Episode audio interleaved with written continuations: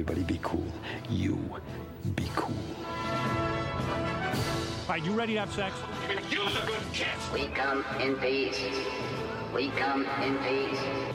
You are the motherfucking Antichrist! We're gonna let you go, okay? Ok. Film er best på radio. I'm gonna make him an offer he can't refuse. Nova Noir.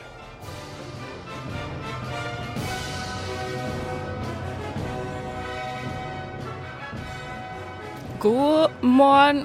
Det er eh, torsdag, og nå hører du på Nova Noir her på Radio Nova. Klokka er ti. Det er den 6. april har det blitt. Jeg heter Taleråd, og med meg i studio har jeg Tage Rivas Tolvesen.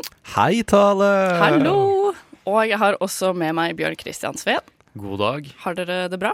Jeg har det superbra. Det er eh, tidlig og uh, starte dagen på rett fot. Ja, bra.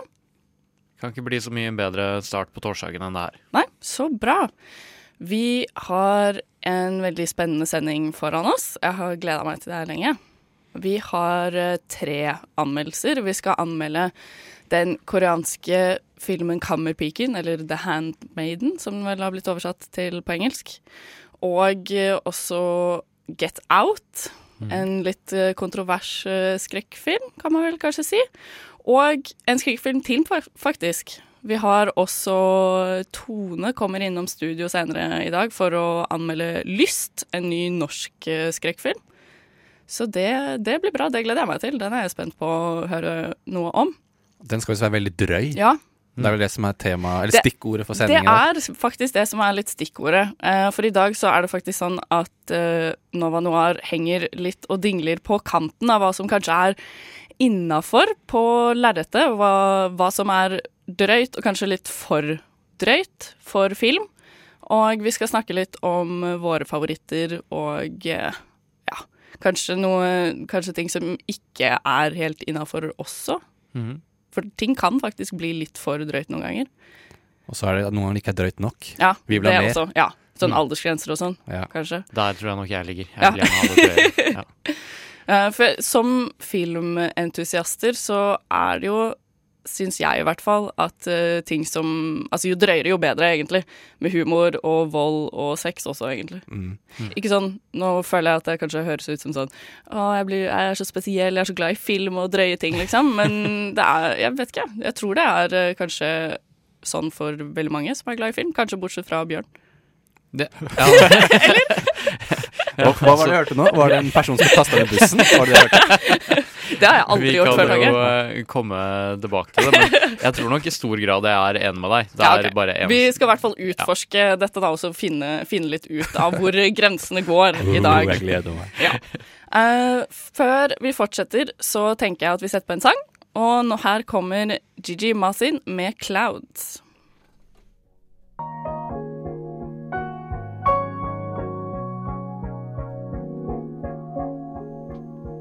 Der fikk vi litt en deep focus mindfulness som på morgenkvisten. ikke det litt deilig? det er altså Gigi i Masin med 'Clouds'. Og nå tenkte jeg litt for å sette i gang litt. Bare snakke litt om hva vi har sett siden sist. Tage, kan ikke du begynne? Jo, vi var jo så heldige 2. april å Mm. bli velsignet av eh, Rick and Morty-gudene. Det var vi. en helt ny episode av eh, sesong tre av Rick and Morty, som alle har venta på. Og liksom vært veldig mye sånn spekulasjon på når den egentlig skal komme. Mm. Så tror jeg det var noe sånn startet litt på Twitter, at noen uh, tvitra til han Dan Harmon sånn her, vi vil ha vi vil, ha, vi vil ha den nå, så bare Hva om jeg kanskje bare slipper det i dag, da? Og så plutselig bare kommer det ut, og så tror folk at ah, det er april, Ja, det var 1. april. på etterskudd eller whatever. Men så var det ekte. Så var det Men de har jo kasta ganske blår i øynene sine. Jeg føler ikke det er så lenge siden jeg liksom leste at å nei, den kommer ikke før slutten av 2017. Eh, et eller annet sånt noe. Og så bare plutselig så var den der. Kanskje det var aprilspøken, da. Ja. Eller vet ikke. Men de har jo vært ganske flinke til å trolle før, med Rick Roll og det som er. Ja. Ja. Men uh, og så er det jo det at det er uh, veldig Nå, nå har liksom hypen rundt den serien bygd seg veldig opp. da Mm. Uh, når, jeg, når jeg begynte å se på det, så følte jeg at jeg måtte liksom anbefale til alle vennene mine for å ha noen å snakke om, det med. Men nå er det sånn alle bare elsker Rick and Morty, og det Ja. syns jeg er utrolig kult. Men episoden i seg selv Ja. var dødsbra. Den var så bra. Jeg har sett den tre ganger. jeg. Tror den var Sånn, for I løpet meg- av et døgn. Ja, for meg så var den sånn der, en av de liksom, topp fem episodene, Ja. eller kanskje topp tre, for det var så utrolig morsom. Det var føltes som en sesongfinale, nesten. Nesten, faktisk. Jeg er jo en uh, episode-hoarder, men jeg hadde egentlig tenkt å se den på søndag, men så var litt av problemet var at det var søndag, eh, så jeg var ganske sliten. Så Altså, du mener du har egentlig lyst til å samle opp så mange episoder som mulig, ja, og så se de på en gang? sånn jeg ser Ja. ting, for det meste. Men jeg hadde, jeg hadde tenkt å se den her, men så var jeg ganske sliten, og så greide jeg å sovne før en uh, romkamerat min greide å få det opp på skjermen. Ja. Så alle Sånn andre i kollektivet har sett det, men ikke jeg. Det er litt sånn, for jeg har sett eh, Nå er det jo um, siste sesong av Girls går jo nå. Uh, og den går jo også nå fra en gang Det kommer én episode i uka. Mm. Det er veldig slitsomt, og jeg har ikke vært vant til å se på det sånn. Så jeg lurer på om det er det som gjør at jeg ikke føler det helt. Mm. Det blir litt sånn der stykkevis. Det er en helt annen måte å se på, se på serier. Jeg lurer på hva man Jeg skjønner ikke hvordan man greide det før, jeg. Egentlig. Vente en hel uke Hadde ikke gang. hver mye gang. valg, da. Nei, det var det. Det noe med det. Men uh, jeg veit fortsatt liksom folk som, som nesten gjør det der sjøl, har faste dager å se ting på og sånne ting. Jeg har Ja. for så vidt gjort det tidligere med, med romkamerater og venner osv. Mm. At vi har en fast dag der vi ser på det her og det her. Og det er jo liksom Det er noe eget for å liksom samles rundt en episode av et show eller serie, men, Ja. men for altså i det store og hele så foretrekker jeg jo i hvert fall kunne se sånn tre episoder på rappen, fordi uh, det er et uh, format som jeg føler uh, appellerer mer til liksom innlevelse enn enn det å liksom ha et, en uke med liv mellom hver, Det er dyp, sant. hvert dypdykk. Men det er jo godt å ha noe å glede seg Det er det se jo frem også. til. Mm. Det er jo det. Sånn Og så når Westworld gikk, så var det sånn åh, det er mandag. Nå er det en ny Ja. episode av Westworld, liksom. Mm. Det er alltid litt digg. Det er jo faktisk det å ikke liksom se alt i løpet av to døgn, og så er det ferdig. Så blir det litt sånn tom inni deg. Ja. Mm. Det er sant. Bjørn, har du sett på noe kult siden sist, eller? Jeg har jo sett den, apropos litt på kanten, så har Ja. jeg jo sett den nye mm, standup-spesialen til eh, Louis C.K. Ja, bra. Og jeg er jo eh, massiv fan. Stor okay. fan. Vært det i mange år. Eh, stort sett glad i alt han eh, lager. Og, men liksom headlinen for uh, denne standup-specialen her er nok egentlig Louis C.K. fortsatt morsom, men uh, uh, ikke like morsom som sist. Nei, OK. Fordi det er, det er en ny standup special, men, men det ikke, den kommer ikke til å ha liksom de Den store gjennomslagskraften som kanskje de liksom Ja, i hvert fall eh, to av de tre siste har hatt. Nei, jeg skjønner. så den var tidvis eh, Når vi først er liksom inne på det, tidvis var den liksom litt mer drøy enn den trengte å være. Men ja. det er jo mye av det som eh, gjør at folk liker Louis C.K., så jeg skjønner hvorfor han går dit, på en måte. Jeg har sett hadde- veldig lite av han. Jeg tror jeg har sett sånn én, mm. ett show. Men husker, det lå på Netflix, i Mm. hvert fall. Men han er jo veldig morsom, da. Jeg anbefaler veldig sterkt den, eh, den serien hans, som basically er et eh, opp, eh, opptak av et teaterstykke som heter uh, eh, Pete and Horace. Ok.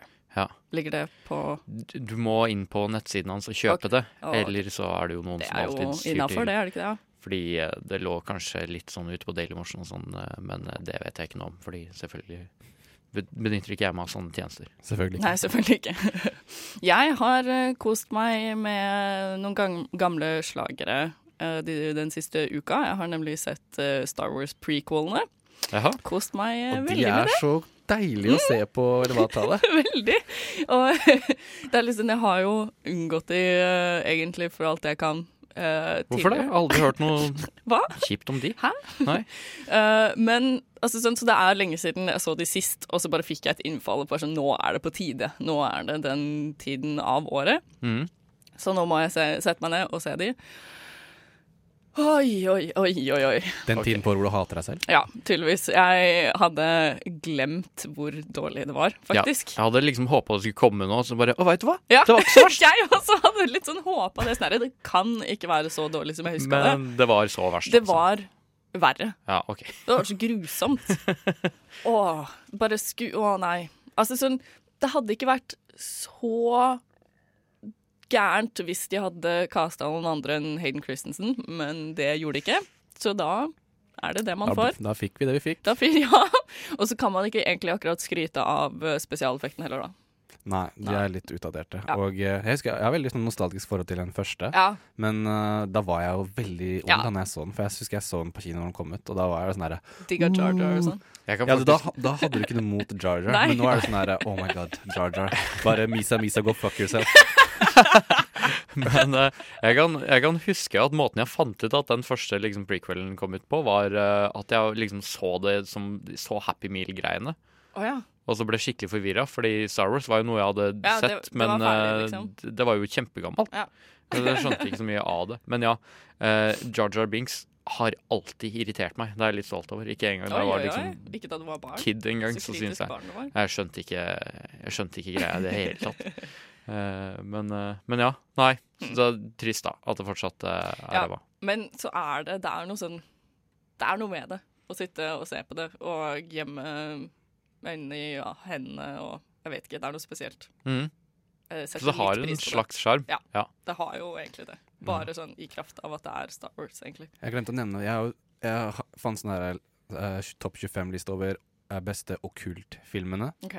Og da en av de øverste på lista var eh, en film som kom i sånn 1922 eller noe sånt. Mm. Som er sånn der, det er en sånn svensk film som heter sånn Heksen eller Heksan. Ja, et- den et har jeg hørt Og så har det kommet en eh, restaurert sånn 1968-versjon eller noe sånt, som er sånn blitt sånn Criterion Collection-film. Jaha. Okay. Og jeg, den, eh, den lå faktisk på YouTube, så jeg så på den uh, i- i overgår. Ja. Eller foregårs. Mm. Uh, og Takk, takk for den korreksjonen. Jeg setter jævlig pris på det, faktisk. får så mye tid når jeg sier feil på det der. Men uh, den var Altså, det er jo mye sånn utdatert sånn Det er stillfilm, og det er sånn typisk sånn her du ser at de gjør noe, og så er det sånn svart skjerm med teksten, og, Ja, det, og det er hva de sier og sånne ting.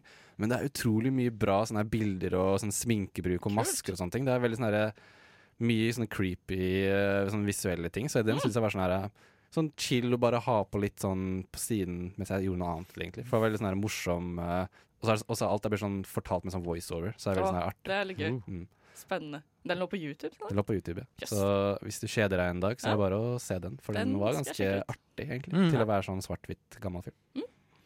Yes, det var en liten oppdatering over hva vi har eh, sett de siste ukene. Eller den siste uken. Eh, etter en låt så går vi over til ukens kinopremierer. Men før det så hører vi Fugler med lei av sprit.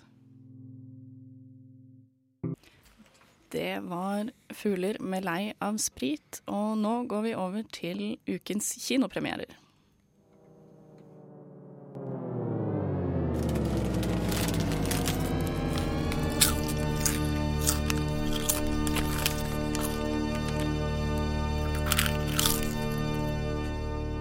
Ukas kinopremierer.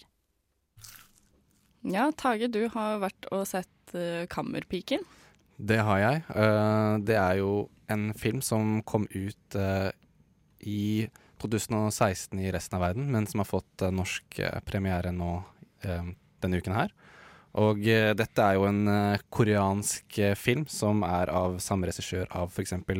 Oldboy og Stoker, som kom i 2013.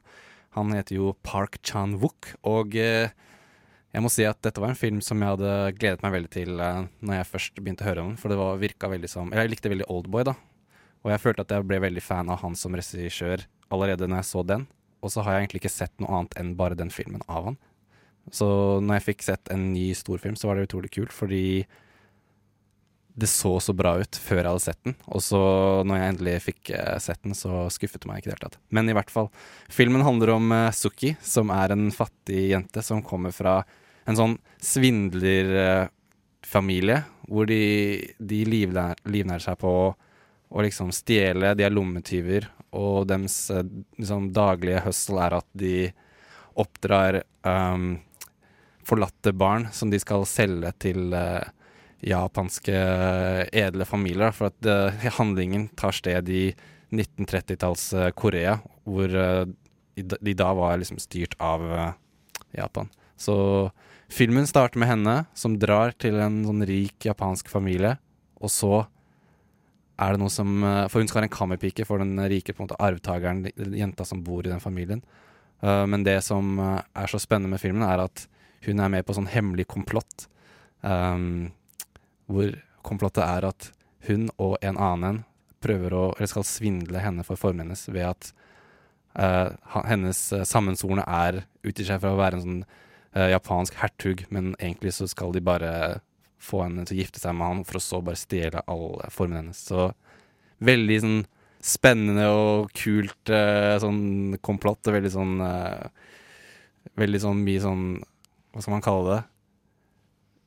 Sånn eh, Hva skal man kalle Ja, det? det blir jo litt sånn heist. Ja, eh, det er, sånn, de, det er veldig mye sånn tension, for du vet at eh, alt de gjør og sier, er veldig sånn at de kan ikke bli busta, og de må liksom hele tiden passe seg og sånne type ting. Så det er veldig sånn der eh, Føles som sånn derre krim, men så har den en sånn derre undertone av at det føles ut som en skrekkfilm, føler jeg. Følte jeg når jeg så den, fordi det har en sånn creepy sånn vibe hele, gjennom hele filmen. Så det var utrolig kult. Mm. Og jeg har faktisk sett den to ganger, og første gang jeg så den, så la jeg mest merke til hvor utrolig smart den var skrevet, og hvor på en måte dypt det kunne gå, sånn historien.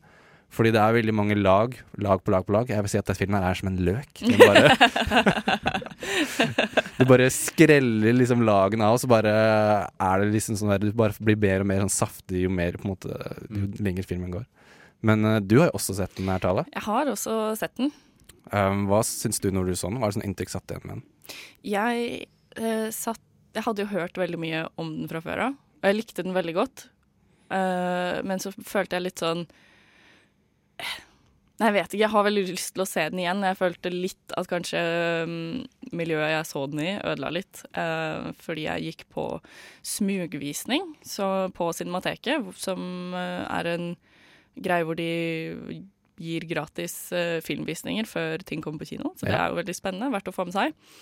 Eh, og da satt jeg tilfeldigvis ved siden av tre jenter som fniste veldig mye og syntes det var veldig kleint. For Ja. det er eh, en del eh, ganske drøye sexscener Mm. i, uh, i Kammerpiken. Og det ødela litt, for å være ærlig. For jeg ble sånn klein fordi de var så kleine, og så ble det ble litt sånn rar stemning.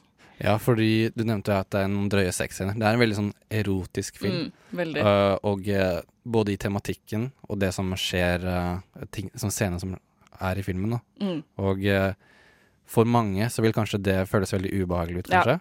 Fordi de er veldig lange òg, og det Ja. er veldig sånn in your face, egentlig. Og det syns jeg var veldig kult. Mm. At de, det er ikke noe halvveis forsøk, liksom. De kjører på fullt ut, og det, det er beundringsverdig, syns jeg.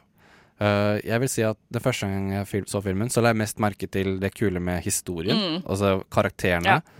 uh, hvordan de samspilte, hvordan det på en måte utviklet seg etter hvert mellom de. Og det er jo veldig sånn typisk eh, koreanske filmer at du tror du skjønner hvor filmen går, og så plutselig så går det en annen vei, og så kanskje den går litt tilbake igjen. Og så på en måte jo mer jo mer du tror du vet, jo mer skjønner du at du faktisk ikke vet alt allikevel. Ja, det er et veldig godt poeng, for jeg tror det var det jeg ble litt satt ut av. Uh, at den tok en sånn helomvending hvor jeg trodde at jeg eh, hadde kontrollen, liksom, eller Mhm. visste hva som skjedde, og så gjorde jeg ikke det likevel, og da ble jeg veldig overrasket og visste ikke helt hva jeg skulle synes. Så jeg, føler, jeg har veldig lyst til å se den igjen. Jeg tror det er en film som passer godt da, til å Ja. bli sett igjen. Den har veldig sånn uh, altså rewatch-verdighet, for at Mm. jeg merka spesielt andre gang jeg så den, at det er sånne, sånne småting som blir sånn satt opp sånn mye senere i filmen. Og det er så, det er så utrolig diskré. Sånn, typisk sånne i amerikanske filmer så er det sånn her Veldig sånn exposition sånn og dette her må Ja. dere huske på, dette her kommer til å bli veldig viktig. Og så bare sånn, ser du twisten eller whatever komme så sykt eh, veldig tidlig i filmen. Sånn der, Mm. for eksempel uh, Holdt på å si Inception, men jeg mente Interstellar. Ja.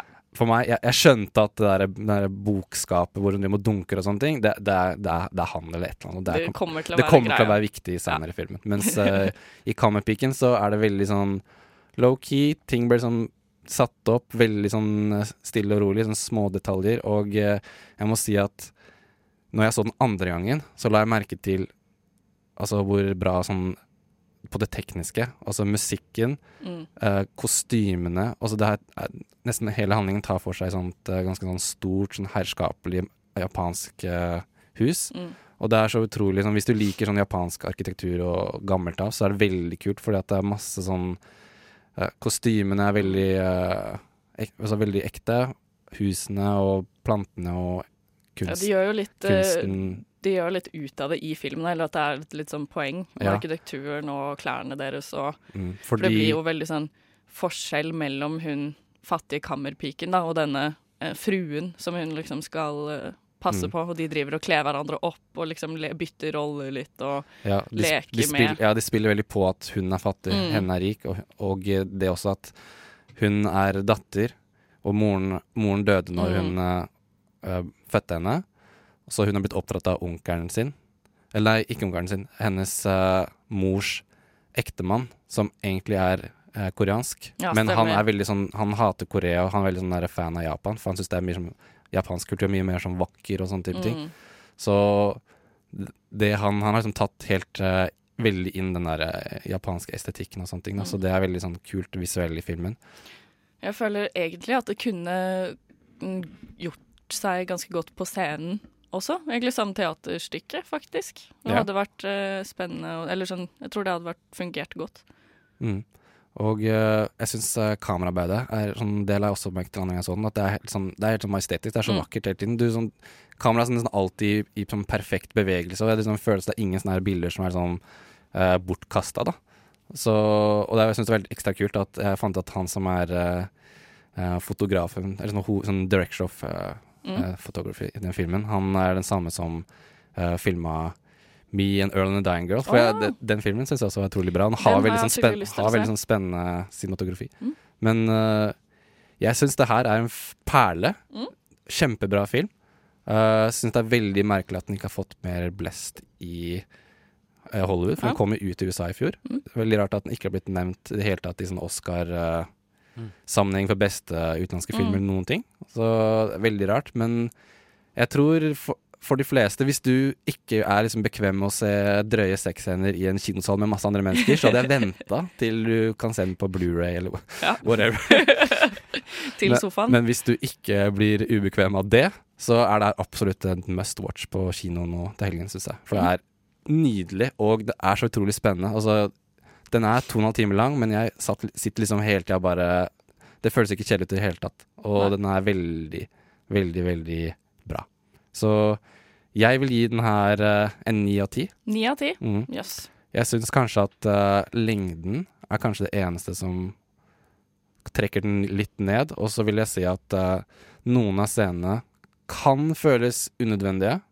Sånn når det gjelder de sexscenene. Det er kanskje noe vi kan diskutere seinere i sendingen her òg. Om liksom det med drøye sexscener er nødvendig for plottet Ja. sin skyld eller filmen sin skyld Ja. i det hele tatt. da Fordi jeg har hørt litt kritikk om at de mente at uh, filmen var på en måte fokusert for mye på sex. At det er veldig sånn manns øyne som Veldig sånn fokus på kvinnens kropp, og at de tar på en Mm. måte de seksuelle scenene altfor langt. da Ja. Så det er kanskje noe vi kan diskutere seinere. Men jeg syns det er en absolutt must eh, watch Ja. nå til helgen. Kammerpiken har altså premiere i morgen, og eh, Tage ga den ni av ti, altså. Oh yeah. Ja. ehm, nå tenker jeg at vi setter på Ayel med Issues.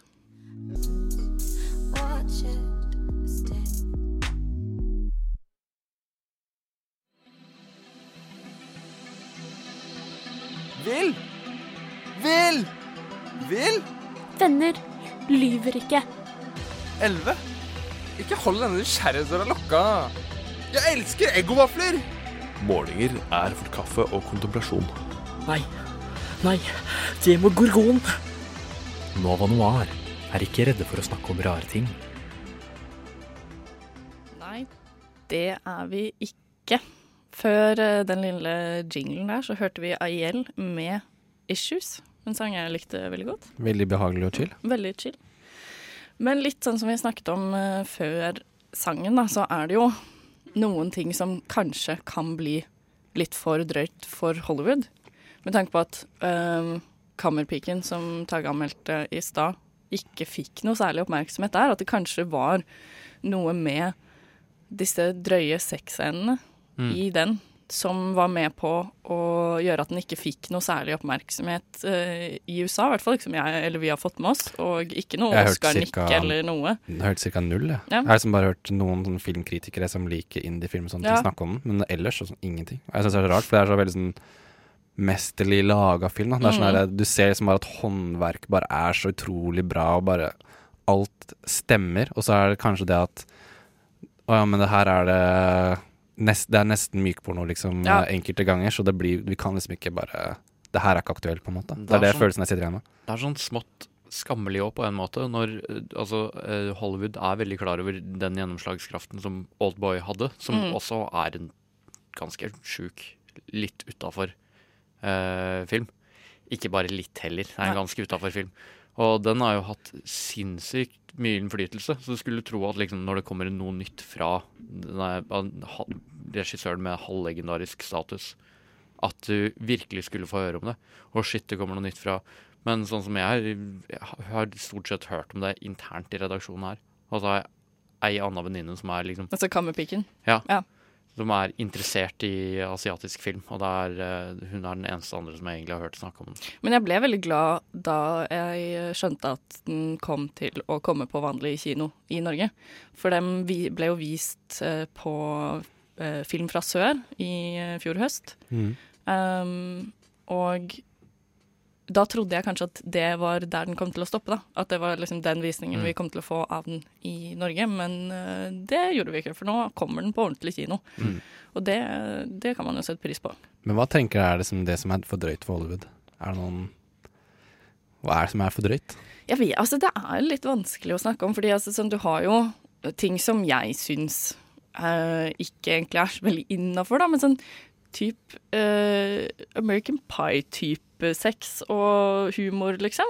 Som på en måte skal være morsomt. Er det at det blir greit så lenge det egentlig skal være morsomt. Mens uh, med en gang det blir uh, sex for sexens skyld, eller for eh, den alvorlige delen av det, Mm. at det blir liksom for for mye for dem, da, kanskje. Ja. Det er jo altså min personlige liksom, Eller det er ikke min personlige teori, men eh, den teorien jeg abonnerer på, er jo rett og slett bare det at når alt kommer til alt, så de som lager filmer, i, eh, i hvert fall i Hollywood, Mm. det er produsenter. Og det er produsenter som eh, er ansvarlige for hva slags filmer. Og du kan se på sånn som de her Sony e-mail-hacksene.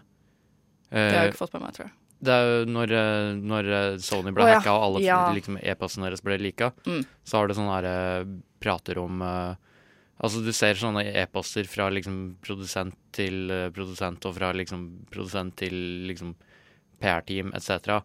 Og de bare sier sånn som at nei, den filmen her den kan vi ikke launche internasjonalt fordi eh, eh, Blant annet så var det sånn Nei, vi kan ikke ha en, en mørk hovedrolleinnehaver eh, på en film som vi skal launche til Øst-Europa, fordi de liker ikke svarte hovedroller. Wow. Og det er liksom bare sånn Det er ren synsing. Det er ikke Hmm. Det er ikke basert på statistikk, det er ikke basert på noen algoritmer. Det er ikke basert på hva folk bare faktisk har uttrykt. magefølelse, Ja, det er liksom. sånn her, jeg har vært i den bransjen her i 40 år, jeg veit hva folk liker og ikke liker. liksom. Det er jo kanskje litt skummelt på en måte at noen sitter, eller sånn som alt, eh, at noen sitter på toppen og liksom eh, bestemmer alt, Mm. på en måte. Det er derfor uh, Hva kan jeg si? Det saftige, saftigste filmene kommer fra liksom, uavhengige filmer. Ja. Da. De som Ja. ikke har de samme um, Absolutt. Ja, At de ikke har så mye sånn De må snakke så veldig opp til liksom, produsenter og et studio som dikterer hva de skal lage, fordi at de vil ha pengene sine tilbake igjen. For du må jo liksom, du må gå de her rundene. Du må liksom komme deg opp i filmbransjen, Mm. kanskje liksom som regissør eller, eh, eller eh, screenwriter etc. Og så tjener du nok penger til at du kan starte ditt eget, eget produsentforetak, liksom. Og så lager du kanskje noen små, sånne småtitler, og så får du mer og mer penger. Ja. Og så har du endelig liksom råd til å lage de filmene som Ja. du har lyst til å lage. Og da er du liksom 20 år bak tiden plutselig i hva du mener er bra og ikke er bra. Ikke sant? Det er jo demografien på hvem som eh, er produsenter, er jo overveldende eldre hvite menn. Det er jo det. Men en av mine mm, favoritter av sånn drøye filmer, som egentlig er helt sykt på kanten, er en film som heter 'Happiness', eh, som er regissert av eh, Todd Solondz. Jeg vet ikke helt hvordan man sier det, men ja. Han har det, altså 'Happiness' er fra 1998. Uh, han har også regissert uh, 'Welcome to the Dollhouse'. Og uh, en film som går på Cinemateket nå, som heter Wiener Dog. Det er månedens film på Cinemateket. Den burde du sjekke ut. Eh, men han har en litt sånn drøy eh, måte å takle sensitive pro problemer på, da. På en måte om ensomhet og livet, og i Happiness så er det på en måte en familie som står i sentrum. Ingen av dere har sett den, sant? Nei. For da blir det her litt sånn derre anbefaling, kanskje, da. Fortell oss. Ja. um, men da er det en, eh, en familie som står i sentrum, med tre søstre, også foreldrene deres. Eh, det er bare én av søstrene som er gift, og eh, han mannen hennes er eh, pedofil og sliter veldig med eh, livet av det, da. Og vil jo veldig gjerne ha nærkontakt med andre mennesker. Sliter å liksom connecte med kona og har det sykt kjipt. Altså, sånn, det er ikke det at man egentlig får sympati for han, men han er liksom eh, Altså, regissøren er på en måte innom det vanskelige man kan føle på når man har det sånn, da. Ja. Uh, og han, det er eh, en del sånn samtaler med, med sønnen hans som uh, handler om liksom Sønnen er veldig bekymra fordi de andre guttene i klassen, han er sånn tolv eller noe, liksom driver og snakker om at uh, de har begynt å komme, da. Eller få utløsning, sier man vel, kanskje. Og han føler seg sånn utenfor, da, for han har ikke greid det. Så skal liksom faren hans sånn hjelpe han da, med det her. Og bare sånn det blir Fordi vi vet jo hva han egentlig tenker på, og det blir Å, det er så sykt på kanten og så jævlig kleint og grusomt. Og man bare sitter sånn med hånden foran øynene sånn nesten halve filmen. Åh, Men det er bare sånn, det er så fantastisk. Jeg elsker sånne ting som liksom får deg til å tenke Virkelig litt. tar deg ut av ja. komfortsona. Ja. Så er det en annen karakter også, som er naboen til en av de andre søstrene, som eh, er spilt av Philip Seymour Hoffman, som er en av mine all time favorites. Eh, som eh, spiller en fyr som eh, er kjempeensom og liker å liksom seksuelt trakassere fremmede damer over telefonen. Så sitter han og runker til det, og liksom sier sånn stygge ting til de og sånn. Ja. Og så er det liksom sånn han takler å være ensom, på en måte. Og jeg bare Ja. Og det er så mye ting som egentlig ikke er greit, da, sånn egentlig, og så får du det sånn midt i ansiktet. Og jeg bare Det som er, syns det er så gøy. Det som er gøy, er at det du tenker liksom er eh, for drøyt for film, er sånn veldig sånn her, ting som faktisk skjer eh, Ja. i hverdagen. Ja. Sånn det er ikke alle som bare har Nei. den der perfekt Det det. kjærlighetsliv, eller Noen folk er kåte på Ja. liksom. Man må liksom nei, Men så blir det sånn tabu. Skal man ikke Ja. portrettere det på film i det hele tatt? Det var bare sånn bare Nei, nei, nei, det her, vil, det her kan vi ikke vise det helt. For ingen, vil, ingen har lyst til å se det. Det er jo Men en sånn ting som Gjort det riktig, så kan det være Ja, interessant. det her en er sånn ting. Som tar opp såpass mye av nyhetsbildet Mm. at, eh, at det er klart uh, Filmen burde også ta det opp. Men jeg må, jeg må helt ærlig innrømme at selv fra, altså bare fra beskrivelsen av den filmen her, så synes jeg det høres ubehagelig ut. Ja, men det er men liksom det er noen kjempeubehagelig. noen filmer burde være ubehagelige, og Ja. det er ikke dårlig selv om det er ubehagelig, liksom. Men det her er jo et eksempel, da, fordi den kom jo, eh, kom jo ut i 1998, sa jeg. Og jeg har snakket med veldig få som har hørt om den Mm. fra før av. Veldig liten plass til uh, sånne type filmer, da. Mm. I uh, Ja. Du må liksom dykke inn Ja. for å finne det Være grå sånn edgy greiene. og kul og Mm. filmentusiast. Yeah. Fanatiker. Yes. Uh, jeg tenker nå at vi må ta en liten pratepause. Så nå hører vi på Formation med On Board. Ja, det var Formation med On Board. Før det så snakket vi litt om eh, hva som kanskje var for drøyt for Hollywood. Men en annen ting vi kom til å tenke på, er at det er eh, ganske mye drøye ting de syns er OK, og vil markedsføre the heck out of, som en del litt på kanten kjærlighetsfilmer, eller sånn romantiske komedier. Er det noen som har noen tanker om det? Altså, jeg så The Notebook i 2013 alene på gutterommet mitt. Alene, faktisk? Ja, for jeg tenkte sånn her Alle The Notebook har jeg liksom uh, hørt mye om, og så var jeg sånn her likte liksom Hadde akkurat sett Drive, likte Ryan Gosling, Mm. og så bare Å ja, The Notebook er kanskje bare se den filmen her, for da catcher jeg liksom referansene. Og den filmen er jo science fiction. Det er jo Det er, eh, det er, altså, hvis du skal Og det som er så fælt, er at når du Det er mange som baserer liksom hva romanse er på filmer. For det er sånn, hvis, det er hva skal man ellers ta utgangspunkt i hvis man ikke leser bøker, eller bare er en er- generelt romantisk fyr, da? Ja. Det er nesten hovedtingen som folk baserer ideen Det sin er jo det. på romantikk på. Det er det, og så er det sanger, liksom. Ja. Det er jo liksom sånn her Du skal liksom Akkurat som du skal basere kroppsidealet ditt på Arnold Schwarzenegger. For Ja. liksom, Ja. Det er eh, Ja, det er, det er kjærligheten i din The er Notebook ja. er kjærlighet på steroider, rett og slett. Og det er sånn her Du skal ikke bare være sånn romantisk. Du skal liksom gå i krig og komme tilbake og være liksom Bygge et hus for henne. Og er- Mase. Ja, og li- Så jævlig. Og likevel så veit hun ikke hva hun skal gjøre med livet sitt. Og så står det sånn, helt på slutten så bare sånn, nei, nei, det holder ikke. Du skal liksom være Du skal være så bra at du uh, sitter og leser for henne hver dag eh, mens hun ikke husker noe.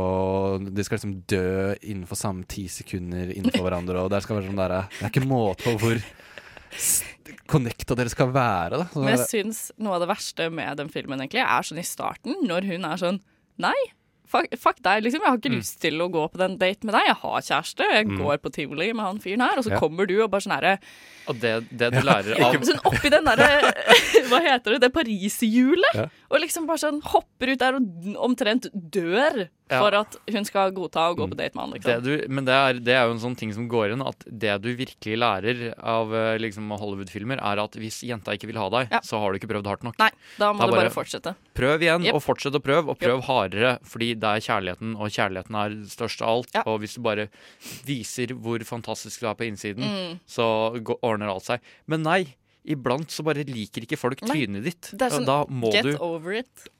finne noen andre å presentere fjeset ditt for. Ja. Det er rett og slett. Jeg føler det er sånn Det her, den derre tropen med sånn nice guy, eller sånn uh, friendzona folk som liksom ja, de sitter og ser på Nicholas Sparks-filmer, da, eller sånn basert på de bøkene. Ja. Og bare sånn herre Jo, men hvorfor vil hun ikke ha meg? Jeg har jo gjort alle disse tingene, og jeg er fremdeles i friendzonen.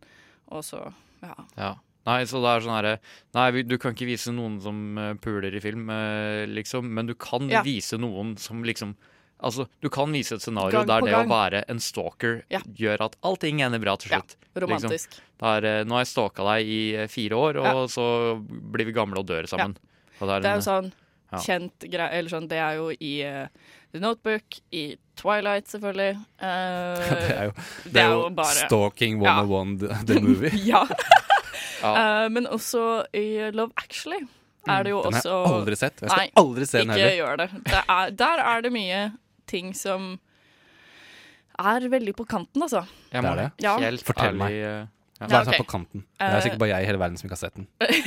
Men jeg kan bare si, før Ja, du sier det, at, at uh, når jeg så den første gangen, så Mm. syns jeg at den var en uh, veldig underholdende film. Ja, Så, jeg også. Jeg har ja. vært glad i den veldig lenge. Mm. Men så er det bare eh, Så er det vel det da at jeg har lest veldig mye om den. Dette er ikke mine originale tanker, fordi Nei. den eh, lurte meg lenge. Mm. Eh, men altså, det er bare sånn derre uh, En fyr da som er forelska i uh, kona til bestevennen sin, og sånn derre stalker henne helt sykt, og eh, hun tror at han ikke liker henne og sånn, fordi at han er så kald mot henne, fordi han greier ikke Det er så fysisk, da, denne kjærligheten han har for henne, så han greier ikke å liksom oppføre seg som et faktisk normalt menneske mens han er rundt henne en gang. Og så liksom dukker opp på døra da med de her kortene, og så står det sånn sykt mye sånn nasty ting, sånn at han hadde tenkt på henne dritlenge, og han kommer til å elske henne til hun ser ut som en mumie, og bare sånn, og så er det sånn Å, det er sånn det er! Og så blir hun skikkelig glad, og så løper hun etter han og sånn kysser han, og liksom alt er fint og flott, og sånn Alt det er eh, Ja. Så også en Er sånn det- er det- sidehistorie med en sånn tiåring som også bare Ja. sånn stalker uh, en eh, pen jente i klassen. Uh, som følger henne etter til, etter til uh, Hva heter det? Flyplassen.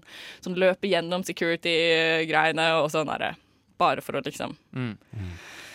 Men det er jo liksom Altså, fordi uh, det er Bare blant annet Altså, han har ansvaret for å filme bryllupet Ja. til bestevennen og dama til bestevennen. Og altså, alt det opptaket er jo fullstendig Altså, hvis du Jeg tror det ligger en video på nettet, og noen setter sånn creepy musikk til den sekvensen der hun liksom går gjennom gøy. den uh, bryllupsvideoen, for det Ja. ser skikkelig stalkerish ut. Ja. Fordi det er Det er stalkerish ut. og det er så mye andre ting også, men jeg husker ikke akkurat detaljene nå. Mhm. Men en, det er jo noen romantiske komedier også som jeg syns får det til veldig bra, eh, og blir litt sånn metagreie, eller sånn satireaktig. Um, en som ikke er så veldig bra, men som jeg fremdeles liker veldig godt, er He's Really Not That Into You. Hvor det er en sånn metadiskusjon hvor liksom hun ene hovedpersonen er en sånn der sykt håpløs romantiker og skjønner ikke hvorfor han ikke liker henne, liksom. Og så får, han liksom, eh, får hun hjelp da, av en fyr som skal være sånn real mot henne og si hva gutter liker og sånne ting. Og så ender det jo selvfølgelig opp med at de blir sammen. Men, sånn, Mm. men den er faktisk litt, litt ålreit. Men den jeg egentlig tenker på, er Don John. Ja. Ja, eh, med Joseph Gordon-Levitt. Skrevet og regissert og spiller hovedrollen. Ja, så vidt stemmer! jeg- ja. Det er sant. Det er verdt å merke seg. Mm. Uh, Scarlett Johansson spiller også knallbra i den.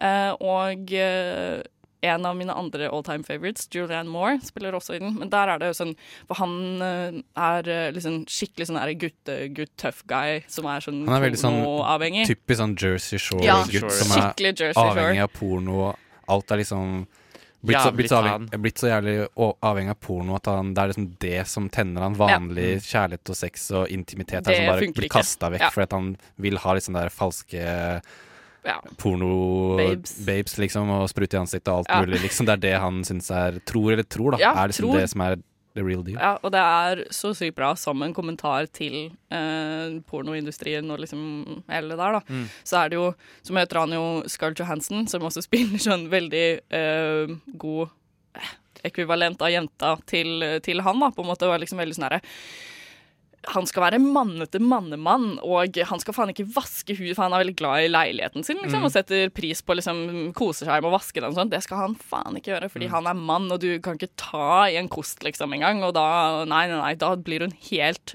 på styr Mm. når hun finner ut at han vasker leiligheten sin selv, og det er bare sånn, det er så morsomt.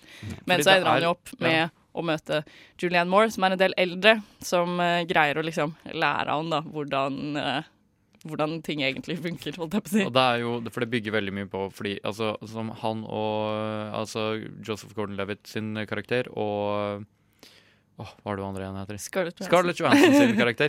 De er jo veldig unge, og det er Mm. veldig tydelig at de begge de har, altså, de har den filmapproachen Mm. til hva kjærlighet er. De har den kunstige approachen der det de ser, er det de liksom tror på. Ja. Og da for uh, Joseph Gordon-Levitt sin del så spiller porno inn veldig i det. Fordi Ja. han har sett veldig mye Mm. porno.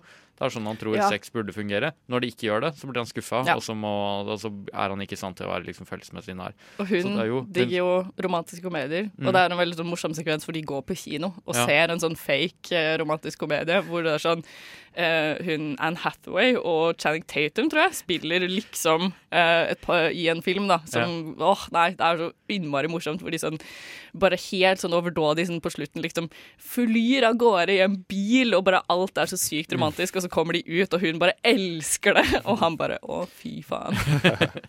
Ja. Veldig morsomt. Så de får det jo til noen ganger eh, også, føler jeg. Ja. det Ja, er liksom, Men det er jo sånn ikke typisk Hollywood-film. Og jeg tror, Nei, det er jo ikke det. jeg tror ikke den filmen gjorde det så bra sånn, Nei, eh, ikke. på kino. Så. den gjorde det ikke så bra kritisk heller. Den var det ganske omdiskutert. ja, eh, ja, jeg digger den. Mm, ja, jeg òg. Men uh, drøy sex, dere. Ja. Drøy kjærlighet. Drøy kjærlighet. Vi må, vil ha mer ekteførte filmer. Ja, det, det syns jeg. Eh, nå så setter vi på hvitmalt gjerde med Våken nå. Hvitmalt gjerde med Våken nå. Eh, og nå kjører vi videre med flere av ukas kinopremierer.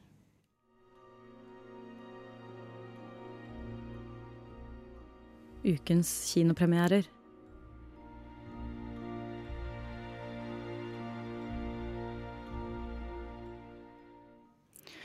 I Get Out så skjer det merkelige ting når Chris skal møte kjærestens foreldre for første gang.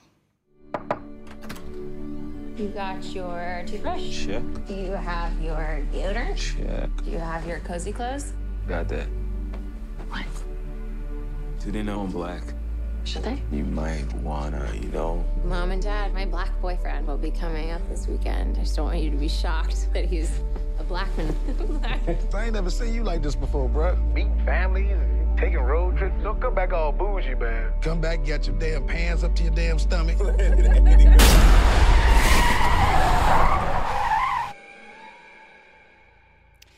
Oi, oi, oi. Creepy! Mhm. Men altså, dette er jo en eh, skrekkfilm regissert av eh, Jordan Peele. Kjent fra Key and Peele, den Ja, komikerduoen. Um, og som vi hørte i traileren, så er det jo litt sånn raseproblematikk som blir tatt opp i denne skrekkfilmen. Så det er jo litt uh, uvanlig. Det er første gang, uh, tror jeg, faktisk, i det I hvert hele fall på denne måten, På denne måten. Um, og jeg ble litt overrasket over at den blir um, karakterisert som en ren skrekkfilm, for den var så innmari morsom også. På en veldig sånn smart måte. Ikke sånn der du tenker på skrekkomedier, liksom. Eh, som ofte blir veldig tullete. Men altså, det er jo Daniel Kaluja, Kaluja som uh, spiller Chris, som uh, blir invitert med til villaen til foreldrene til kjæresten sin en helg for å møte dem for første gang. Og han blir, er veldig nervøs fordi han liksom spør Rose, da, som er kjæresten, eh, kjæresten hans, for øvrig spilt av eh, Alison Williams, som eh, spiller Marnie i Girls. Så om, eh, om de vet at eh, han er svart. Og så blir det litt sånn der kleint sånn der Ja, skal vi skal jeg si det, liksom? Sånn, jeg tar med den svarte kjæresten min hjem for, for å forberede dem, liksom. Så er hun veldig sånn Hun sier at nei, nei, de er ikke, de er ikke rasister i det hele tatt, og, og faren min hadde stemt på Obama en tredje gang han, hvis han kunne, liksom. Men når de kommer opp der, da, så begynner det å skje litt sånn merkelige ting. Um, vi blir liksom introdusert til denne familien, da. Det er jo um, Rose som er datteren, um, og uh, faren, uh, Dean, er uh, nev nevrokirurg. Mens moren Missy er uh, psykiater.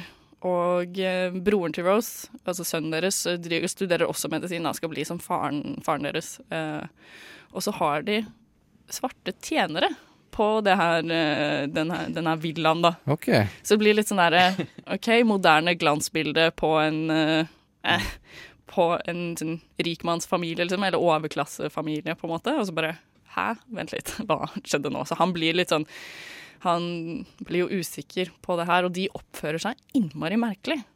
I tillegg så får han din han faren forklarer liksom at nei, om vi ansatte dem for å hjelpe til med foreldrene mine da de begynte å bli gamle og sånn, og da de døde, så greide jeg bare ikke å gi slipp på dem, liksom. Så de er her og er hushjelp og gartner, liksom. Mm.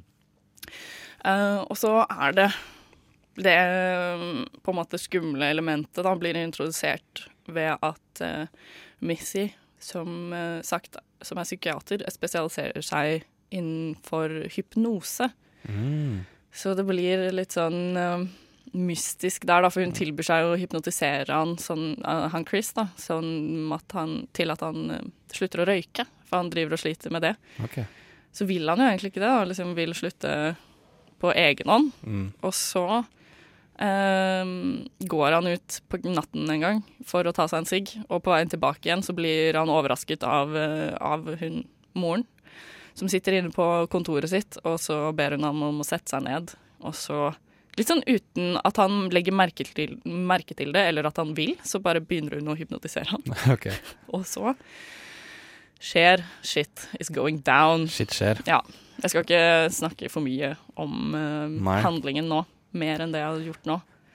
Men uh, hva er det du vil trekke fram som du syns var bra egentlig med filmen? Hva er det for du, jeg får inntrykk av at du likte den veldig godt. Jeg likte den veldig godt. Skuespillet er uh, kjempebra. Eh, den, det er en veldig creepy stemning. Altså, sånn, jeg vet ikke hvordan det er å være en uh, svart mann som skal Mm. besøke de hvite foreldrene til kjæresten min, liksom. Men man fikk en veldig sånn herre klaustrofobisk uh, følelse av, av den settingen. Og det ender opp med at eh, det skal være et sånt selskap, da. Foreldrene skal hoste et sånt selskap.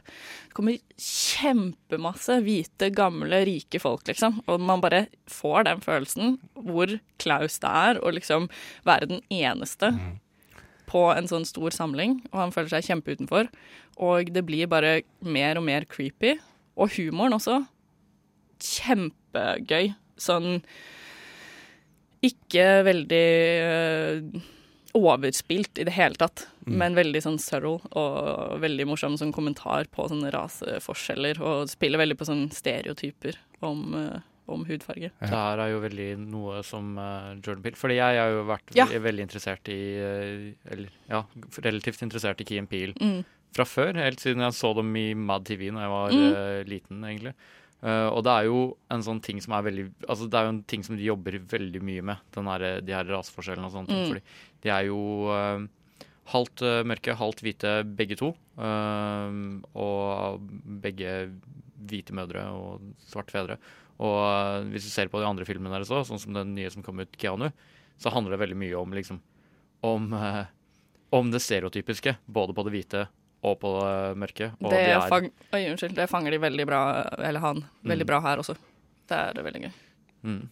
Og den filmen har gjort det veldig bra i USA på kino til å være en sånn original historie, ikke basert på noe sånn tidligere Nei. materiale. Så det virker jo som at det er veldig sånn at folk At den tematikken er veldig sånn Folk kan liksom relatere til det, da. Ja. Både det som drar til svigers, og det sånn derre Det er veldig mye sånn med for eksempel Black Lives Matter-bevegelsen i USA og sånne ting, at, eh, at eh, sånne tematikk for eh, på en måte eksempel sorte, da, at det å være minoritet og det, på en måte, det å det å på en måte bli litt sånn sett i en situasjon hvor du blir uh, utrygg pga. din rase eller Mm. hva enn det er som gjør deg til en minoritet, at folk vel sånn, kan relatere til det. Og det har gjort, gjort at uh, kanskje så mange har lyst til å se den. Mm.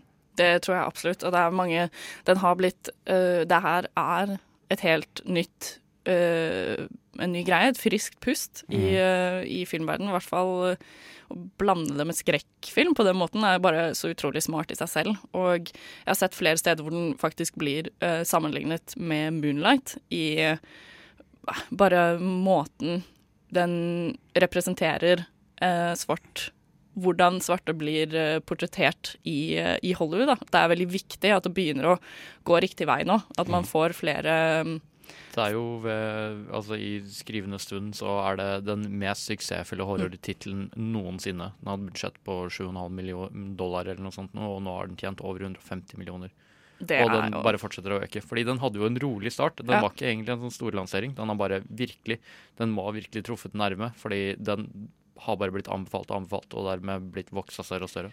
Absolutt. Så det her er eh, noe som er absolutt verdt å se, få med seg på kino til helgen. Den eh, kommer i morgen, og jeg er eh, Nei, jeg gleder. Jeg har så lyst til å se den igjen. Jeg gleder meg masse til å vise den frem eh, til flere av vennene mine. Jeg, satt, jeg lo høyt ved flere anledninger, samtidig som jeg også ble litt sånn, sånn som jeg snakket om tidligere, sånn gjemte meg litt bak hånda, hånda og sånn, av de kleine eh, fordommene på en måte folk har, da. Nei, det er veldig sånn eh, spot on. Jeg eh, gir eh, Get Out eh, åtte av ti. Hei. Hei. Åtte av ti til Get Out. Yes. Så nå er det bare å get out and watch this movie. Oh yeah! Veldig bra jobba, Tage. Følte meg litt klein da jeg sa det. Yes, Uh, nå får du høre Tech Life og Slick Shooter med Get You Some. Der hørte du Tech Life og Slick Shooter med Get You Some. Før eh, sangen så hørte du anmeldelsen av Get Out, som eh, kommer på kino i morgen. Nå har klokken bikket elleve. Du hører fremdeles på Nova Noir her på Radio Nova, og eh, vi snakker om drøye ting i film, og ting som er litt på kanten. Og Get Out var jo litt sånn drøyt og nytt uh, med tanke på rase og litt sånn. Og uh, jeg vet ikke, jeg får uh, bare med det temaet her og sånn, så tenker jeg egentlig bare på American History X, som jeg så for ikke så veldig lenge siden, faktisk. Ikke for første gang, men der også er det noen sånn ganske drøye voldsscener og en del sånn raseproblematikk, selv om man ser det fra egentlig et hvitt perspektiv, da. Mm. Sånn at eh, det er jo kanskje ikke så relevant, men det var dit eh, tankene mine dro. Det er jo én scene spesielt Ja. i eh, American History X, American History X som jeg sitt, satt veldig igjen med første gang jeg så den. Ja, Jeg var ganske ung. eh, ja. ja. Når han uh, blir curb-stampa. Oh yes. Han ene sorte. Det var faktisk en litt sånn curve-stump i Get Out også. Jeg fikk litt sånn derre wow, var det, var det en liten referanse, kanskje? Fordi mm, det kan jo diskuteres. Men ja, den scenen er jo helt sjuk. Men så der tror jeg de tjener eh, Eller sånn, ikke tjener, men uh, redder seg inn på at uh, det er svart-hvitt. For Ja. det er det faktisk. Fordi den Jeg hadde litt sånn glemt uh, Glemt hvordan den var filma og sånn. Det var veldig mye svart-hvitt. Veldig mye sakte film. Eh, det irriterte meg litt, egentlig. Den var, for å være helt ærlig, ikke så bra som jeg huska. Men ja. Nei, og Det er en interessant film, i hvert fall. Ja. Den var veldig bra sånn skuespillermessig, men kanskje tematikken ikke føles like viktig eller relevant ut den dag i dag. Jeg vet ikke helt, det. Men uh, det er jo en uh, rasefilm som jeg kom på, Mm. var jo Django Unchained. For da Oh, var det sånn yes. at Det er sånn droppa, jo så sykt mange sånne her end-bombs Ja. uh, i den filmen, og veldig sånn her at du tar opp det der med Liksom Tarantino-måte å ta opp det der med sånn slavehandel og at folk som eier Som kan eie sorte mennesker og sånne ting. At det ble på en måte litt sånn brutal måte å vise det på. Så han fikk Mm. jo Han mente at han var liksom veldig sånn At han satte det på kart igjen, da. Men han var veldig mange som kritiserte ham for liksom, bruken av N-ordet, Ja. og hvordan han liksom viste fram slavehandel og sånne type ting. Det er jo litt sånn derre Men der igjen, fordi jeg føler at det som får det til å funke i den Tarantino-filmen Jeg føler ikke at det er bare sånn Det er bare en unnskyldning til å droppe N-ordet, liksom. Det er, det er for å liksom å For det første dra en kontasjon til hvordan det ordet pleide å bli brukt. Altså nå er jo Mm. Django er jo basically en superheltfilm, men uh, uh, Men uh, det er jo liksom fortsatt har Det er sånn det Du kan se det i 12 Years a Slave også. Mm. Bare den liksom Den naturlige bruken i den konteksten føles ganske creepy. Mm. Eh, så jeg føler at det blir liksom retta fokus mot det. Spesielt når du hører det gang på gang på gang, så blir det liksom litt sånn her OK, nå, nå, nå blir det litt mye her. Og det er jo liksom eh, det som du Altså, det, for det virker jo også latterlig. Det virker jo så latterlig. Mm. Det, det er bare ett ord som reduserer eh, et, liksom, et helt uh, folkeslag, Mm. liksom. Det er helt uh, Og det føler jeg liksom Det kommer fram av den Mm. absurditeten i hvor mye de bruker ordet. Det er jo det Tarantino er så flink på, da, synes jeg, å sette ting såpass på spissen. Han er jo helt gæren, liksom. Han gjør jo akkurat som han vil. Eh, som gjør at jeg føler at jeg eh, likte Django bedre enn 12 Years a Slave, egentlig. Jeg syns den var litt sånn Oscar-bate-aktig. Altså, den var veldig bra, liksom, men Det er også litt mer tilfredsstillende fordi den hevnen som Django får, ja, er så er utrolig mye mer tilfredsstillende Og enn det, ja, og det er så Det er litt igjen da at jeg liker jo godt det her som tar litt mer av, og det Mm. var mye mer kraft da i det Mm. slaget Ja. Tarantino Men sånn som. Han bruker jo vold som et virkemiddel. Syns dere at han overdrev med volden, f.eks. den filmen? Det med at du ser liksom at folk blir bitt av hunder og sånne ting, eller den der slåssscenen Ja. eh, med to sorte, at liksom At det blir veldig sånn fokus på liksom knekt bein og knekte fingre og sånne type greit, ting. ja. Jeg syns den, den, den scenen der de sitter inne i salongen og har ah. To mørke menn som eh, slåss mot hverandre på gulvet, Ja. som bare sånn casually sånn ettermiddagsunderholdning, det syns jeg var eh, Det gjorde et eh, skikkelig inntrykk på Mm. meg. Det var ikke helt den Fordi i Tarantino-filmer så ser du også liksom typ sånn action uh, actionvold. Mm. Ja, det er blod og sånn med, som det ikke alltid er med i sånn actionvold, men uh, Men uh, det blir mer Det blir mer nært og litt groteskt, og det er det Mm. jeg føler kanskje at eh, Fordi vold er ganske greit i Hollywood, men ikke så mye den typen vold som liksom blir Realistisk, nært og liksom. ubehagelig. Ja, sånn der, men det gjør han jo veldig, da. Mm. Veldig mye sånn nært på med, i Glorious Bastards også, med det hakekorset i panna. Mm. Eller, ja. Men det, det jeg syns er litt spennende, er at hans, han er jo veldig sånn akseptert av Hollywood. At Mm. liksom, Han ble, får nesten alltid nominasjoner på Mm. Oscar og sånne ting. Liksom, alle praiser han, alle elsker han. Mm. Men uh, han har jo veldig drøy vold, men han har jo ingen sånn drøye sånn sexscener, f.eks. Og det er jo Man kan jo liksom kritisere for han at øh, han er liksom veldig sånn on edge på den måten, og det er liksom greit, men han er ikke on edge med sex. Det er jo veldig sånn der the all American way, da. At det, så lenge det ikke er eksplisitt sex, så går det liksom Mm. greit. Mm. Men jeg også si at, for det virker som om han Og nå skal ikke liksom si at eh, At eh, eh, filmene til Tarantino er feministfilmer, men det er også fordi det er veldig i den liksom Den sexigheten, den liksom seksualiteten som opptrår i de, i de filmene. Det handler mer om om utstråling og om tiltre tiltrekningskraft mellom Og to karakterer. makt, mer enn det er bare egentlig. Ja. mer Jeg syns jo egentlig det er et godt poeng. Jeg er veldig glad i uh, alle, eller ja, veldig mange av øh, Tarantino-filmene, også litt fordi det er så mange sterke Mm. kvinnelige karakterer, da. Uh, men det kan jo kanskje bli litt sånn på kanten til fetisistisk, egentlig, med Ja, han, fordi liksom han er den han er, og er jeg ser, Sånn, jeg beundrer han veldig, men jeg har veldig inntrykk av at han egentlig er en veldig sånn slick, ekkel uh, hvit mann som pusher 50, liksom.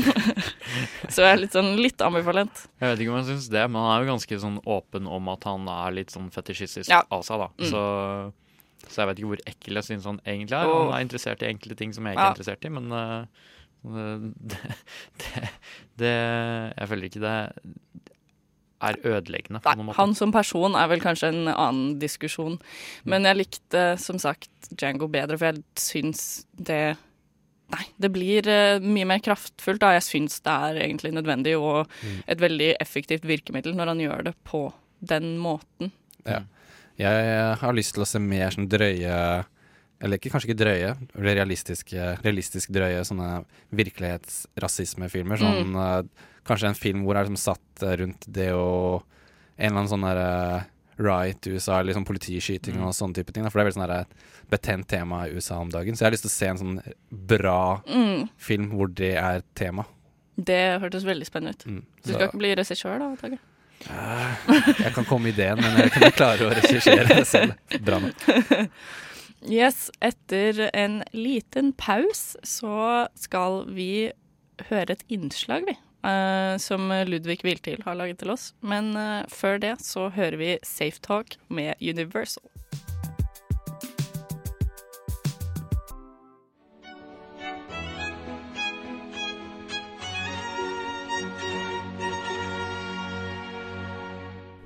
Hi, I'm Billy Boyd, and you're listening to Nova Noir. Stupid fat hobbit. Før det så hørte du Universal av Safe Talk. Og nå får vi høre et eh, innslag Ludvig Viltil har lagd om Jimmy the Raven, en fugl som jobber som statist.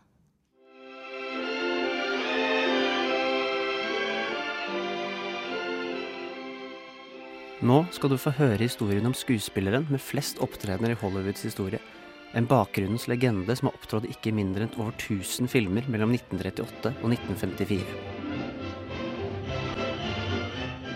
Med The Golden Age of Hollywood tenker man ofte på Catherine Hepburn, Orson Welles og Alfred Hitchcock.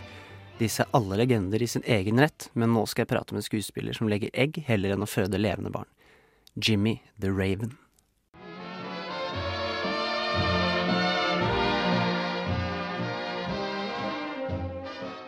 Jimmy ble introdusert som en statist i den store regissøren Frank Capra sin romantiske komedie You Can't Take It With You fra 1938. Mest sannsynlig som en slags intern spøk. Men han besluttet etter dette å bruke Jimmy i nesten samtlige av sine prosjekter, og i ettertid var Ravn å se i tallrike filmer i nesten 20 år fremover. I sin første rolle ble han brukt til mer som bare en statist. Han var aktiv som en arbeiderrolle i familiens fabrikk i filmen. Etter dette fikk han aldri en såpass viktig rolle igjen.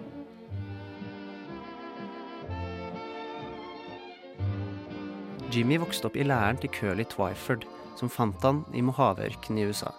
Twyford var allerede fast ansatt i Hollywood som dyreoppretter, men få av dyrene han oppdro skulle gi såpass inntrykk i sin samtid som Amerikas yndlingsravn gjorde.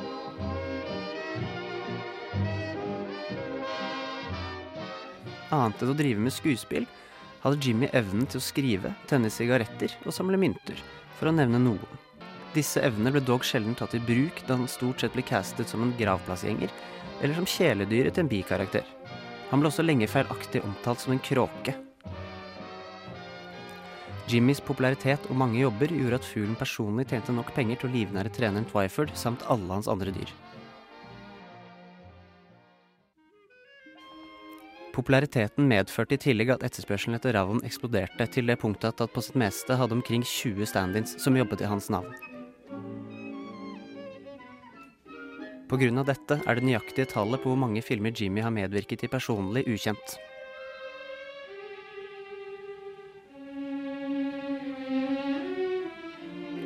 Ikke bare var han en intern referanse blant filmskapere, men også tidvis en spesifikt innskrevet rolle i manus. Han ble et fenomen som var forsikret for titusener av dollar, mye penger da, og han var likt av sine menneskelige kolleger. Hollywood-kjempen James Stewart kalte han på humoristisk vis for settets smarteste skuespiller, da han bemerket at han krevde færre tagninger enn de andre.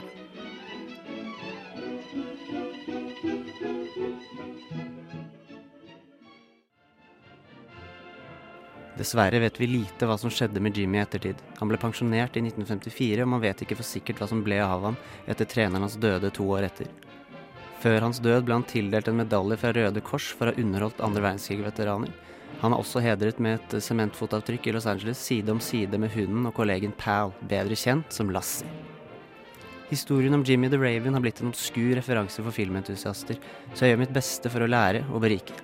En liten FYI om skuespilleren med flest filmopptredener, til og med fler enn Samuel L. Jackson.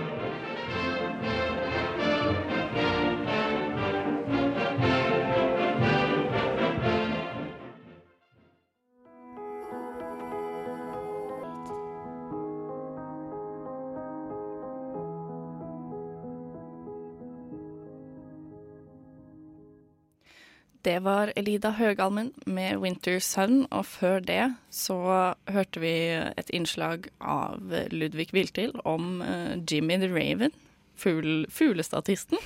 Veldig gøy. Det var jo veldig gøy. Veldig gøy.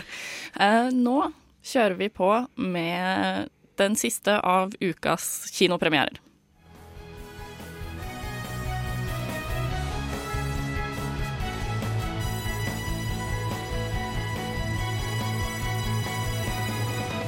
Nova Noir presenterer ukas kinopremierer.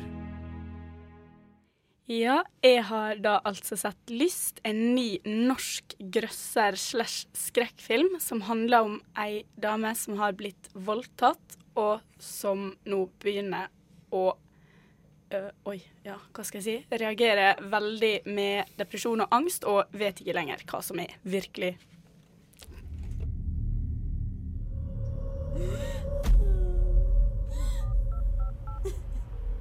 Lisa.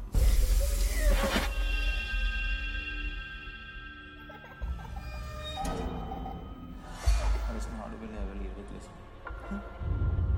Du klarer ikke å skille mellom fantasi og virkelighet.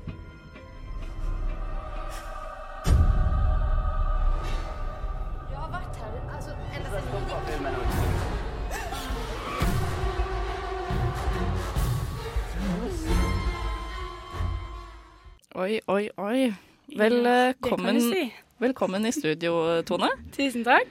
Du kommer rett fra filmvisning, du. Ja, det gjør jeg. Litt sånn eh, skrekk på morgenskvisten. Ja. Hva, hva syns du?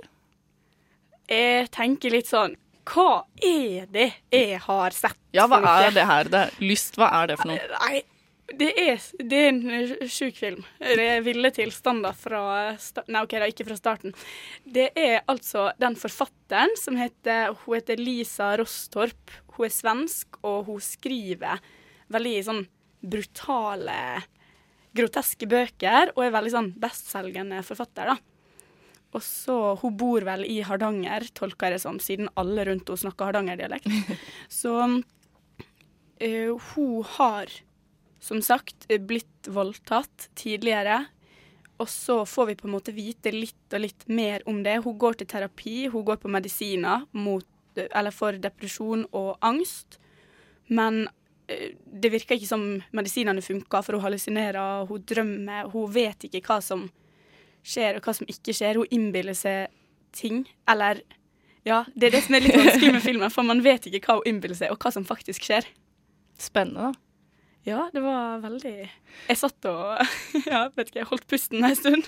Men det her har jo blitt eh, snakket om eh, en del, om at den filmen her er Norges drøyeste film noensinne. Ja, altså, det kan jo sikkert være Nå har jeg jo ikke sett så masse annet drøy norsk film, men for å si det sånn, det tok ei god stund før det blei veldig voldelig, da. Før okay. det så var det veldig mye De spilte veldig mye på det liksom psykologiske, på frykta hennes, på Er det noen i leiligheten, eller er det ingen i leiligheten? Drømmer hun, eller skjer det? Og veldig mye sånn. Men når det er sånn kanskje halvtime igjen av filmen, da, da braker det løs. Da er det bare blod og gørr og alt mulig. Men du greide å holde deg, du besvimte ikke? det var ikke besviming, det var litt mer sånn What?! Hva skjer nå?! For det var jo Det er litt sånn eh, Jeg leste en sak med han eh, regissøren, og at han tenkte kanskje at det kom til å skje når den kommer eh, på kino. At man liksom blir så satt ut da, av, eh, av de voldsscenene. Ja, det kan hende hun tante på 67 hadde litt svimmel i topplokket, men Men ikke Tone, du tåler alt. Åh, kald som is. Ja. Men hva, hvis du skal trekke frem eh, noe, du likte, noe av det du likte best, da? Oi. Nei, altså, siden jeg hadde så utrolig høye forventninger på akkurat den der eh, groteske delen Det høres kanskje litt sykt ut å si det, men jeg gleder meg på en måte litt til å se hva det var jeg hadde fått til.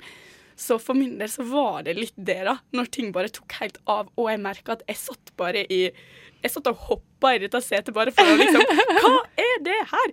Le, vent, lever den personen? Dør den personen? Hva skjer nå? Og så er det sånn Når det skjer ting som du vet at ikke kan skje hvis det som skjedde i stad, er sant. Så da blir du litt sånn Skjedde det, eller skjedde det ikke? Skjer det her, eller skjer det ikke? Så, ja. Det syns jeg var litt stilig, at du blir veldig sånn what? Ja, det er spennende.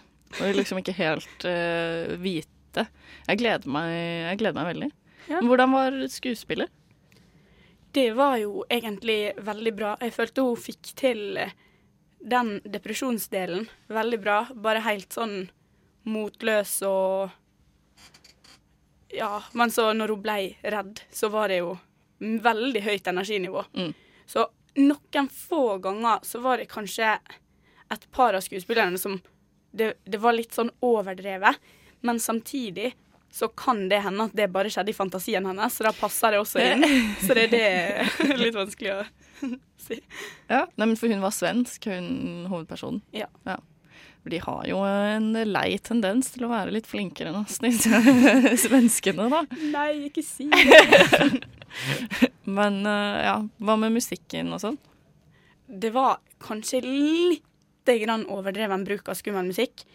Det er jo var- effektfullt, da. Ja, jo, det Men er det- effektfullt, men det var liksom sånn ta en bit av maten man spiser, og så tenker man med en gang 'Å, herregud, nå spiser de øh, barnet til vennen'. venn Nei da. Det- det- Nei da. Men du, skjønner, altså, du vet ikke. Det blir så skummelt når de bare skal spise, at du tror Ja, at det det er noe kult, mer da. i det, og så kanskje det gjør det, men så vet du ikke, og så blir du bare sånn Hva er det her? Er det noe du kan peke på som kanskje ikke var så bra? Eller var det generelt uh... Det var kanskje Eller for min del så var det litt fordi de, eh, når jeg hadde de forventningene jeg hadde, at det tok veldig lang tid med ganske rolig. Så det var litt det, da. At jeg ble litt sånn Ja, eller Ja, den var jo egentlig veldig bra sånn sett. Det er bare at jeg forventa at det skulle være litt mer rett på, kanskje. Ja. Men ja. Nei, jeg syns det var Er det noe du anbefaler at eh, vi skal gjøre i helgen? Å ta turen på kino? Ja, det spørs jo litt hva slags filmer man liker, men hvis du vet at du ikke snur det bort når det kommer blod på skjermen, Mm. og verre ting enn blod på skjermen, da bør du se den. Men hvis Hva er verre enn blod? Kroppsdeler. oi, oi, oi. Det er litt, det hakket verre med kroppsdeler enn blod, for hvis du mister litt blod, så går det fint. Hvis du mister et par kroppsdeler, så er det kanskje litt verre. Men uh, jeg har Altså, er det ikke ofte sånn at uh, det er de som liker minst å se blod sprute mot skjermen, som ofte har mest glede ut av å dra på den type filmer? Hmm, det Godt kan hende. spørsmål.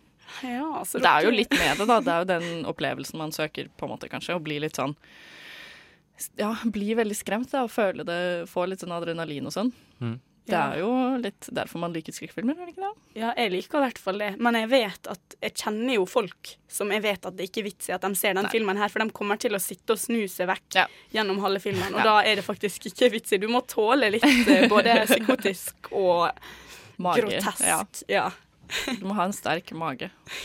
Har du landet på noen eh, karakter? Jeg har egentlig ikke greid å helt eh, tenke på det, siden jeg kommer rett fra kinoen. Men jeg vet ikke, altså. Det er veldig vanskelig. Det virker mm. som du satte ganske pris på den. Jo, jo, jeg gjorde vel det. Men den var Jo. Åh. Men det føles helt umulig å gi den en uh, karakter. Men kanskje som den grøsseren den skulle være, eller skrekkfilmen den skulle være, så kanskje en mellom sju og åtte, faktisk. Oi, oi, oi. Det er- som liksom eh, grotesk, så var det Det er jo veldig godkjent etter min bok. Jeg eh, gleder meg i hvert fall veldig til å få med meg Lyst på, på kino nå til helgen. Tusen takk for at du kunne komme, Tone. Hafsås der, altså. eh, nå går vi over til en lita låt, og denne heter Keep Walking, og det er Kelly Lee Owens.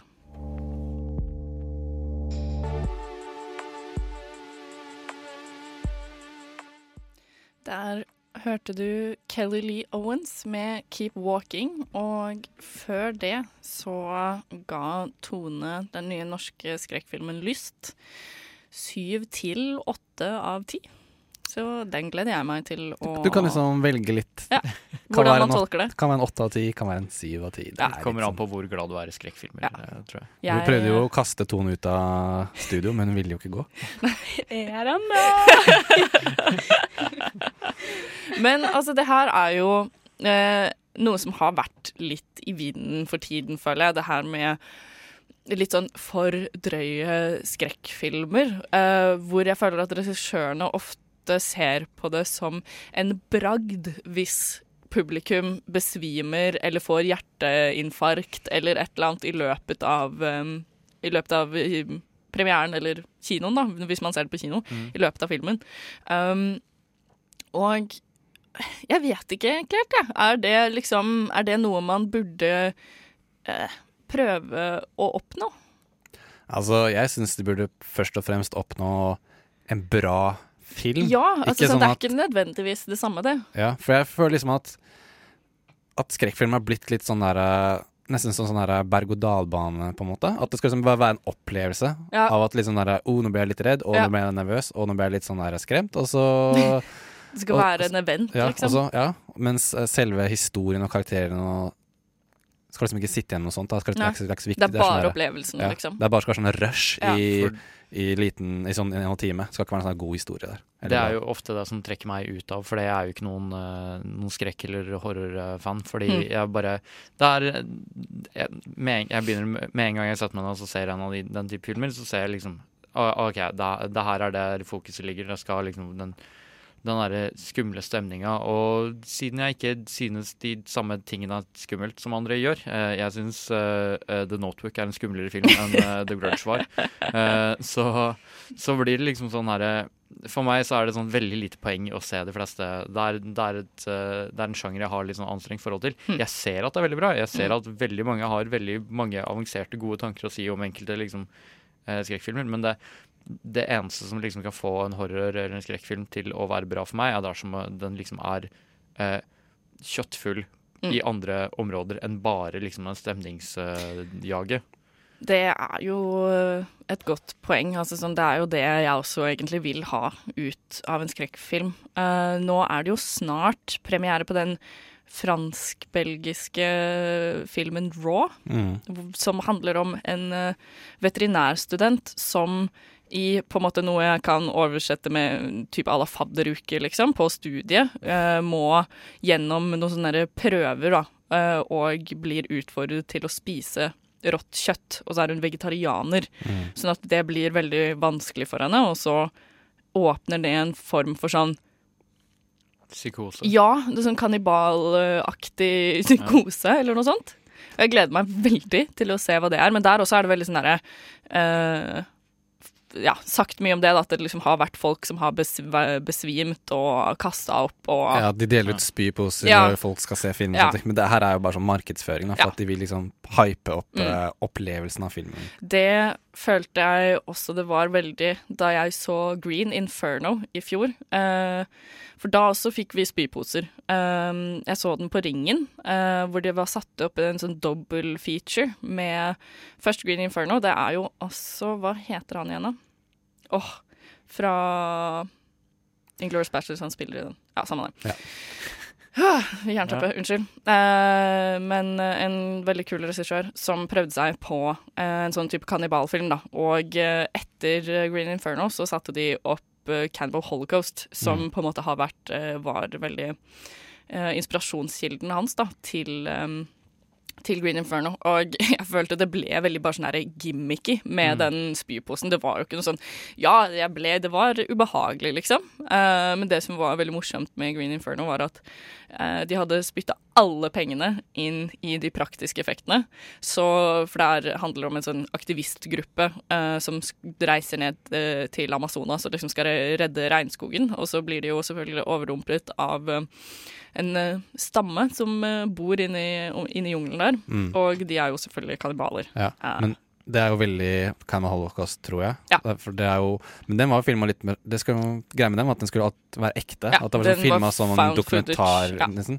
Og jeg tror han regissøren gikk så langt om at han ville at alle skuespillerne skulle at de skulle på en måte være sånn holde seg helt ute av sånn offentligheten i sånn lang tid etterpå. Så folk ble jo på en måte bekymra på at de folka faktisk Ja. forsvant på ekte. At det her var liksom ekte, at de hadde dødd og type Men den er, Cannibal Holocaust er jo også helt sjukt drøy. Altså sånn der er jo, går det jo faktisk så den, den ble jo ehm, forbudt i veldig mange land da den kom på 70-tallet. Mm, jeg tror de dreper dyr Ja, ofte, fordi blant annet så er det sånn De um, Jeg vet ikke helt hva man kaller det, men de, sånn, de flår vel en skilpadde sånn live. Sånn de tar skallene fra hverandre uh, og bruker det i filmen, samt også liksom dreper en type sånn pungrotteaktig greie. Og det er jo veldig um, Ikke sant? Det kontroversielt, da. Når du snakker om liksom om eh, eh, innafor og utafor, holdt jeg Mm. på å si. Det, det der er så langt utafor Det er jo det. Du, du skal ikke gjøre det. Jeg Nei. ser ikke poenget med å gjøre det. Nei.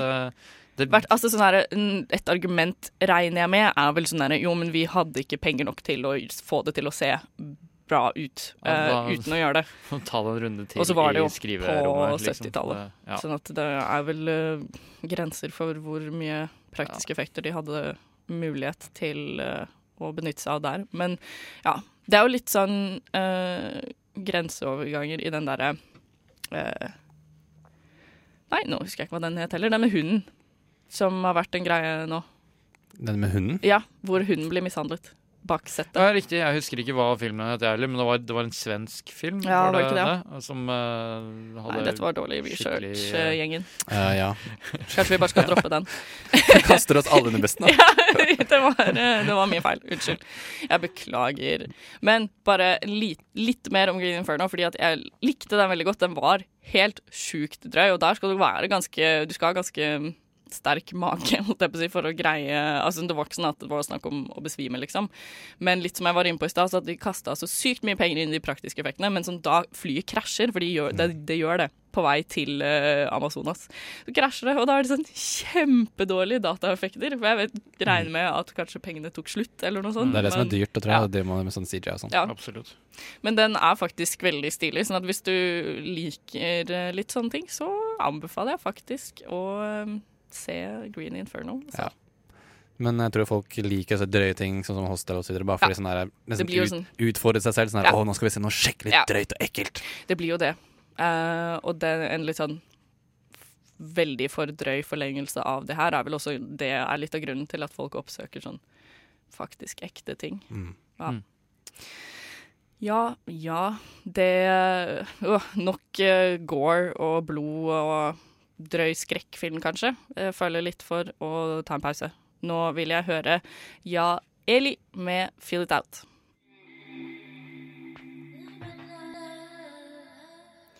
Det var Yaeji med 'Feel It Out'. Denne sendingen når straks slutten. Jeg har hatt det veldig gøy. Prata mye om uh, ting som er på kanten. Det var uh, morsomt å utforske, syns jeg. Ja. Vi har anmeldt eh, tre filmer. Eh, Kammerpiken fikk eh, ni av ti av vår kjære Tage. Get Out fikk åtte av ti av meg. Og Tone Hafsås ga Lyst syv til åtte av, av ti. Så det er mye bra å se på kino til helgen, altså. God helg for filmtitting. Ja. Og øh, kom dere ut og inn i mørket igjen og gå på kino. Vi hørte også et innslag av Ludvig Viltil om uh, fuglestatisten Jimmy, var det vel den het? Ja, Det var, Jimmy the Raven. Jimmy the Raven. Det var uh, morsomt og interessant. Så da tror jeg vi bare avslutter der, jeg, gutter. Nei, jeg vil ikke Jeg, vil ikke, jeg har hatt det kjempegøy. Ja, samme her. Så snakkes vi neste torsdag, vi, med mer Nova Noir. Så får dere ha en god helg, og på veien ut så får dere med Charlotte Dos Santos Red Clay.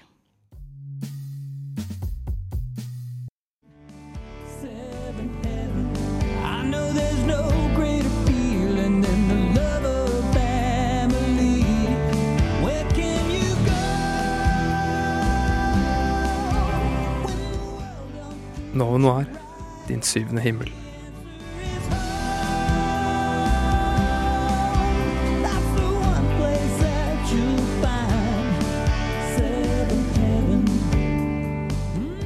Ditt andre hjem.